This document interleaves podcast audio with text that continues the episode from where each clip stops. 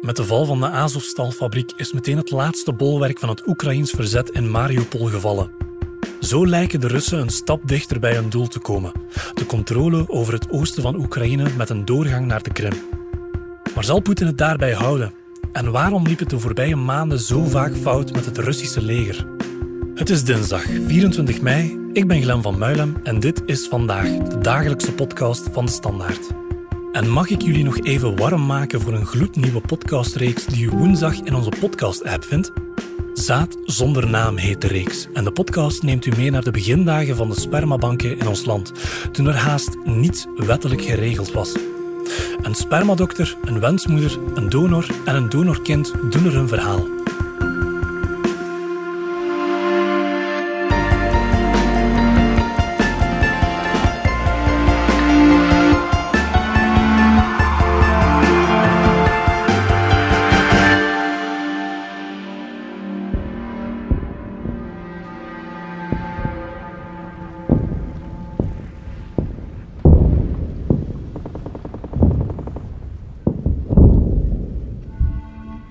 Dominique Minte van onze buitenlandredactie. Jij volgt al langer voor ons de oorlog in Oekraïne. De val van Mariupol heeft veel langer geduurd dan Poetin had verwacht, maar het was wel een belangrijke overwinning. Absoluut. Dus hij heeft nu eigenlijk de handen vrij om uh, de Donbass volledig aan te vallen. Zolang die Azov-strijders nog in die fabriek zaten, moest hij nog altijd manschappen daar rond die fabriek houden. Dus dat is sinds eind vorige week uh, is die val compleet. En kan hij die manschappen, ongeveer 10.000 man werd gezegd, die daar nog altijd in Mariupol zaten, kunnen nu terug naar het noorden worden gestuurd en dan vanuit het zuiden dan de Donbass ook aan te vallen. En dat zie je nu ook wel gebeuren. Hè. Sinds gisteren zijn de aanvallen op de steden in, in de Donbass verhevigd. Severodonetsk is een van de belangrijke steden in de provincie Luhansk. Dat is eigenlijk zo een van de laatste strategische plaatsen die nog in handen is van het Oekraïense leger. Die wordt nu echt heel zwaar bestookt. En als die valt, dan is eigenlijk heel de provincie Luhansk in de Russische handen en kunnen ze zich verder gaan concentreren op de andere provincie van de Donbass, Donetsk. En uh, dan kunnen ze die vanuit het zuiden, dus de strijders vanuit Mariupol en vanuit het noorden, vanuit Luhansk, kunnen ze die beginnen onder vuur nemen. En dat wordt dus echt wel een, een, eh, een cruciale strijd. Uh, dus die, die, die grote slag om de Donbass die was eigenlijk al een paar weken geleden begonnen. Maar zolang die strijders nog in Mariupol zaten, konden ze niet voluit gaan. En dat is nu wel echt wel aan het veranderen. Je voelt nu echt wel dat die strijd rond, rond de Donbass echt in alle hevigheid en in alle brutaliteit begint los te barsten. En je hebt het gevoel ook dat uh, wat ze willen doen in Severodonetsk, dat dat een beetje hetzelfde is als in, wat ze willen doen in Mariupol. Echt met zware bombardementen die stad plat bombarderen. Want ja, we moeten misschien nog even aan herinneren dat eigenlijk in het begin altijd is gezegd van Poetin, zijn boodschap was, we willen die twee provincies, de Donbass, helemaal veroveren. Ja, uh, gaat Poetin het daar dan bij laten of, of aast hij op meer? Ja, dat blijft de moeilijkste vraag. Toen hij de oorlog begon, de speciale militaire operatie zoals hij ze noemt, heeft hij ook altijd gezegd van de staat Oekraïne bestaat eigenlijk niet. Die heeft geen recht van bestaan en we moeten Oekraïne denazificeren. Dat was codetaal voor daar moet een nieuwe regering komen in Kiev. Daar is hij nog altijd niet op teruggekomen. Dus ik denk dat hij nog altijd in zijn achterhoofd heeft om heel Oekraïne te veroveren. Anderzijds denk ik ook dat hij wel beseft ondertussen dat dat heel moeilijk gaat zijn. Die operatie om Kiev snel te veroveren is mislukt. Die blitzkrieg richting Kiev, waarin hij dacht in vijf dagen Kiev veroverd te hebben, dat is mislukt. En hij heeft ook veel langer gedaan over die verovering van het zuiden, om die landbrug eh, richting Krim te, te veroveren. En ook Donbass, dat loopt ook niet van een leien dakje. Dus hij beseft ook dat dat heel moeilijk wordt. Maar eenmaal als hij de Donbass echt in handen heeft, sluit ik niet uit dat hij dan ook weer verder gaat, meer dan in het zuiden, Odessa, dat hij dat ook wil veroveren. Dus dat is de, de, derde stad van het land, de laatste havenstad die nog in handen is van Oekraïne en die ook een poort naar, naar de Zwarte Zee is. Als hij die ook kan veroveren, als hij heel die zuidelijke strook kan veroveren, dan kan hij eigenlijk bij wijze van spreken de rest, wat er nog overschiet van Oekraïne, met Kiev dan weliswaar nog, kan hij eigenlijk stilkens aan economisch beginnen doodknijpen. Dus misschien rekent hij ook daarop. Dus ik denk niet dat hij snel terug Kiev wil gaan, wil gaan veroveren. Maar dat hij dan, als hij de Donbass, als hij daarin slaagt de Donbass helemaal te veroveren, dat hij dan toch nog gaat proberen uh, eerst heel dat zuiden te veroveren. Wat een ander scenario blijft wel denk ik ook wel dat hij denkt van als ik die Donbass heb, ik heb nu toch al zoveel manschappen verloren, ik moet misschien een break nemen. Ik moet, dat hij dan toch op dat moment gaat zeggen, oké, nu ben ik klaar om, om te gaan onderhandelen. Maar anderzijds, daarvan zeggen diplomaten mij ook wel, ja, dat is ook wel in zijn voordeel. Dan, als die onderhandelingen er eenmaal beginnen en als hij een soort van break neemt, dan kan hij dat ook gebruiken om zijn leger terug aan te vullen. En dan later, in een latere fase, maar dan spreken we over enkele jaren, om toch weer helemaal Oekraïne te beginnen aanvallen. Maar dat is echt speculatie.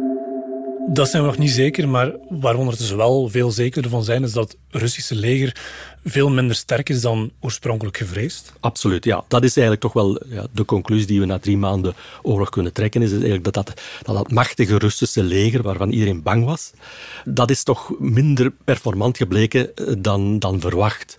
Er zijn verschillende anekdotes die aangeven van welke blunders er eigenlijk allemaal gedaan zijn. De, de chef van de Oekraïnse veiligheidsdiensten heeft ooit verteld dat ze kaarten in beslag hebben genomen van, van Russische soldaten die aan de opmars bezig waren richting Kiev, dus vanuit het noorden. En uit die kaart die, die, die dateerde van 1987. Dus die, die waren totaal achterhaald door de, de realiteit op het terrein. En daardoor zijn ze dus op totaal verkeerde afslagen terechtgekomen. En is heel dat konvooi, dat dat beruchte konvooi van 60 kilometer, dat op een bepaald moment is komen stil te staan, dat bleek gewoon te maken te hebben met slechte coördinatie, slechte logistiek, foute informatie. Dus dat is een van die anekdotes. Ik weet niet of het waar is. Hè. Dit, is dit was de chef van de Oekraïnse Veiligheidsdienst die dat vertelde.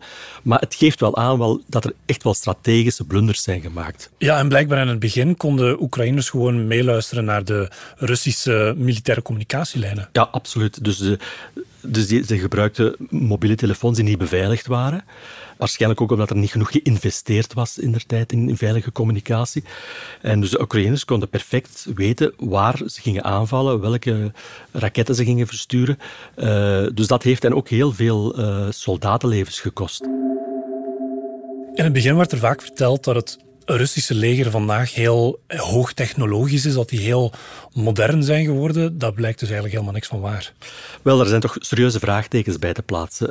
Bijvoorbeeld Indische militairen hebben daarop gewezen, ook de Israëli's hebben daar al op gewezen. De Israëli's bijvoorbeeld hebben dat gezien toen uh, Rusland Syrië ter hulp kwam in de oorlog uh, om, Assad in het zadel te houden. Daar gebruikten ze ook hun, uh, moderne kruisraketten. Maar wat bleek, die kruisraketten die kwamen regelmatig in Iran terecht. Dus gewoon omdat ze die niet goed genoeg konden besturen. Ja, dus, men zegt wel eens, het, het, het, is een blinkend leger, maar het is vooral blinkend in de zin van, het kan heel goed paraderen op het Rode Plein. Dat oogt echt indrukwekkend als het, wat ze daar doen. Maar als met de laarzen in de Oekraïnse modder staan, dan blijkt het allemaal veel minder goed te lopen. Poetin heeft ervoor gezorgd dat het leger veel meer geld heeft gekregen. Er is enorm geïnvesteerd in, in dat leger de, jongste tien jaar. Dus dat blijkt ook uit, uit allerlei cijfers, uit analyses. Je kan je de vraag stellen of dat geld allemaal op de juiste plaats is terechtgekomen van de Russische samenleving, de maatschappij, is geweten dat die door en door corrupt is. Er is heel veel geld aan de handen van de oligarchen blijven pakken. Hmm. Ook bij het militaire uitgaven is dat waarschijnlijk ook zo gebeurd. Dus heel veel geld is niet op de juiste plaatsen terechtgekomen. Er zijn ook voorbeelden van bijvoorbeeld dat uh, bepaalde panzervoertuigen die hadden heel goedkope Chinese banden opliggen, omdat dat het goedkoopste was. Maar die banden waren eigenlijk totaal ongeschikt om door die modder te rijden. Daardoor hebben ze zich ook vastgereden. Zo zijn er tal van voorbeelden die aangeven dat eigenlijk dat leger eigenlijk een afspiegeling is van, van de, de, Russische samenleving. De Russische samenleving is corrupt, ook dat leger is eigenlijk corrupt. En dat maakt dat die invasie eigenlijk veel slechter is verlopen dan ze hadden gedacht. Wat mij ook opvalt, Dominique, is dat er heel veel Russische soldaten nog heel jong zijn. Ja, absoluut. Eh, ze komen ook dikwijls uit heel afgelegen gebieden. Ze zijn naar die oorlog gestuurd zonder dat ze eigenlijk wisten waar ze terecht gingen komen. Gisteren is er een tankcommandant veroordeeld. Hij is de eerste Russische soldaat die veroordeeld is. Die is, is gevangen genomen door de Oekraïners. Zijn proces heeft plaatsgevonden en die, die jongen, want dat is hij nog, hij was nauwelijks 21 jaar, die heeft nu levenslang gekregen omdat hij een Oekraïense man die gewoon met aan het fietsen was en aan het telefoneren was, heeft doodgeschoten. I sincerely repent. I was nervous at the time when it all happened. There were hostiles.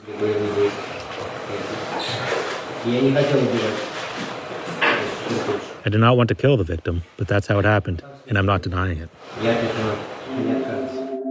Als je naar dat proces kijkt en luistert wat daar precies gebeurd is, als je die man zijn verhaal hoort vertellen, en ik geloof hem eigenlijk wel wat hij daar zegt, hij zegt ook van, ik, wij wisten eigenlijk niet waar wij terecht kwamen. We zijn vastgereden, we zijn proberen te vluchten in een auto. En ik ben eigenlijk onder druk gezet door een collega-militair die een hogere rang had, om die man die aan het telefoneren was dood te schieten, want we waren bang dat hij ons zou verraden. Dus dat geeft nogmaals aan van, uh, enerzijds hoe dat, dat Russische leger, die militairen eigenlijk niet goed getraind zijn. Die, die, de ethiek van dat leger is door en door rot. Maar ook heel veel van die jonge soldaten zijn ook gewoon slachtoffers van. Dus het Russische leger is heel erg hiërarchisch gestructureerd. Het zijn de, de, de top gevende bevelen en de rest moet uitvoeren. Ze zijn er niet in getraind om op lager niveau voor zichzelf beslissingen te nemen, om strategisch of bij te sturen. De Oekraïners hebben dat wel geleerd. De Oekraïners kregen heel veel informatie van het Westen, zeker van de Amerikanen en van de Britten. En die zijn ook veel flexibeler. Die kunnen veel flexibeler optreden. Die zijn ook meer gemotiveerd natuurlijk. Eh, dat speelt ook een heel belangrijke rol in deze oorlog. Veel van die Russische soldaten die zijn eigenlijk niet gemotiveerd om te gaan vechten in Oekraïne. Je leest dat ook. Je hoort steeds meer berichten van militairen, die zeggen, ook van, zelfs van hele bataljons, die weigeren om nog te gaan vechten in Rusland. Dat wordt wel stilgehouden in Rusland zelf, maar dat komt toch min of meer naar buiten. Dus dat speelt allemaal een rol in, in waarom dat die oorlog veel minder vlot verloopt voor Rusland.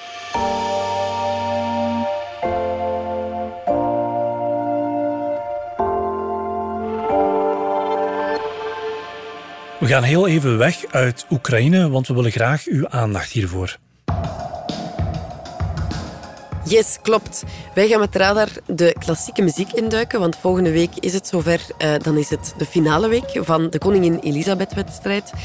En ik denk misschien klassieke muziek, om een of andere reden hangt daar een bepaalde waas van saaiheid rond. Maar niks is minder waar.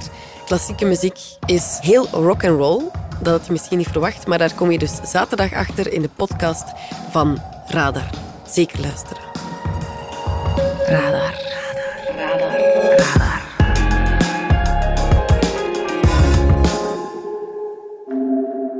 Dominique, kunnen we zeggen dat Rusland zich mispakt heeft aan de oorlog? Ja, dat kan je wel zeggen.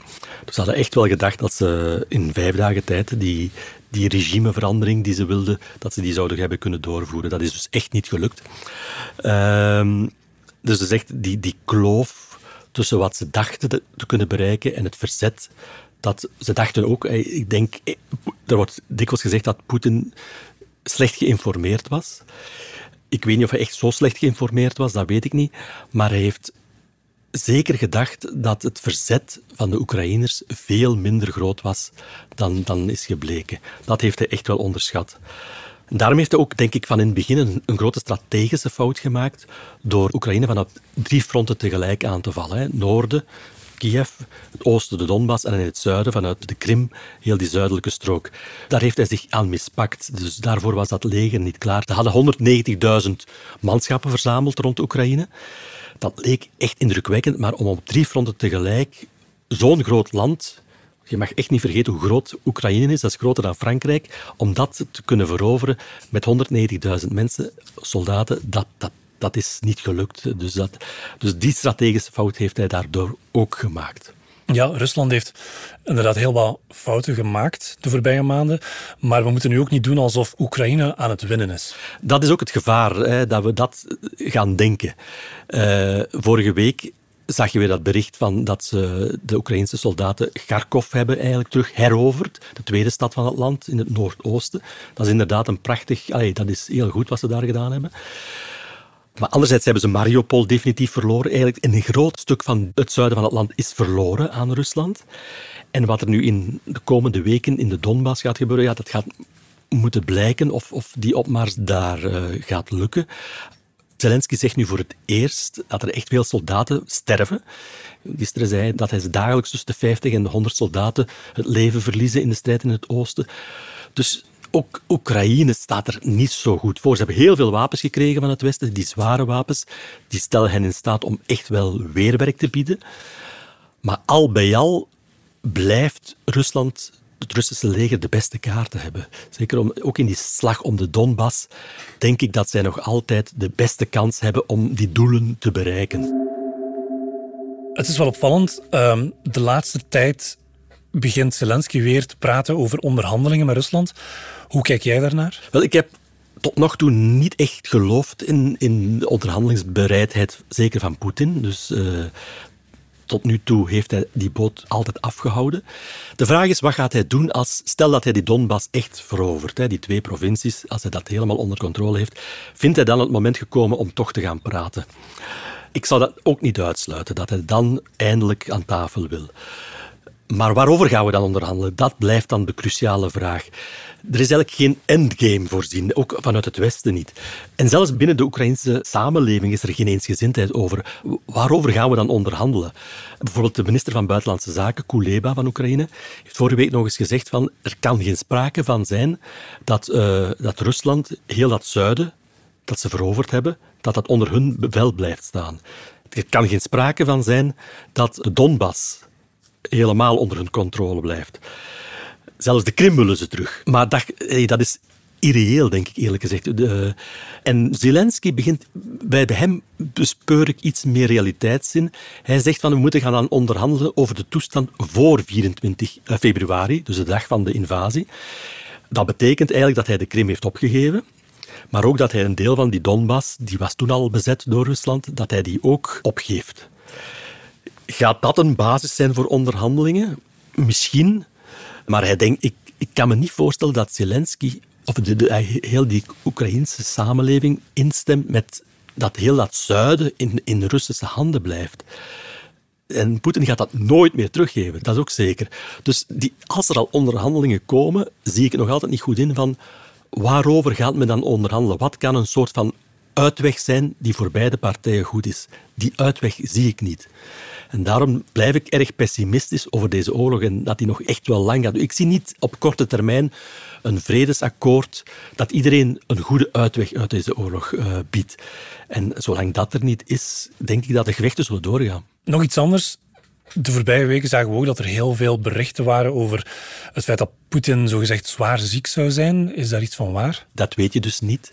Ik kan alleen maar zeggen dat die geruchten over zijn ziekte, dat hij kanker zou hebben, bloedkanker wordt nu gezegd, dat hij eigenlijk drie jaar geleden ook al de, de ronde deden. Dus ook toen verdween hij soms maanden van het publieke toneel en dan dook hij toch weer op en dan werd er gesuggereerd dat hij in behandeling zou zijn voor zijn kanker. Wat je wel nu ziet, is dat die geruchten weer hardnekkiger worden. Hij ziet er ook een beetje, als je gewoon naar zijn fysionomie kijkt, hij ziet er een beetje raar uit. Hij is een beetje opgezwollen, dat zou erop kunnen wijzen dat hij medicatie neemt. Maar eigenlijk, eerlijk gezegd, er is geen zinnig woord over te zeggen. Nu, MI, een vroeger baas van MI6 zegt dat nu ook weer wel. Die zegt zelfs formeel dat eigenlijk in 2023 verdwijnt Poetin van het, van het toneel. Dan is het gedaan met hem. Wat ik mij wel eens afvraag is, waarom is hij die oorlog nu begonnen? Was er, waarom wou hij nu per se Oekraïne beginnen aanvallen?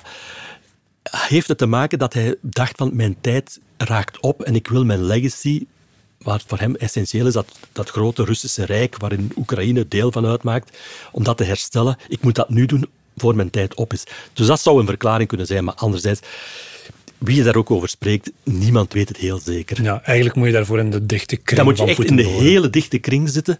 En daar, ja, daar zit eigenlijk heel weinig volk in. En wat je ook niet mag vergeten is, dit is een oorlog. En in een oorlog is propaganda essentieel. Dus om de baas van de vijand af te schilderen als zwaar ziek, dat komt iedereen een beetje goed uit. Hè. Dus ja, misschien moet het ook niet verder zoeken dan dat. Kritisch blijven dus tijdens een propagandaoorlog. Dominique, dank je wel. Graag gedaan. Dit was vandaag, de dagelijkse podcast van de Standaard. Bedankt voor het luisteren.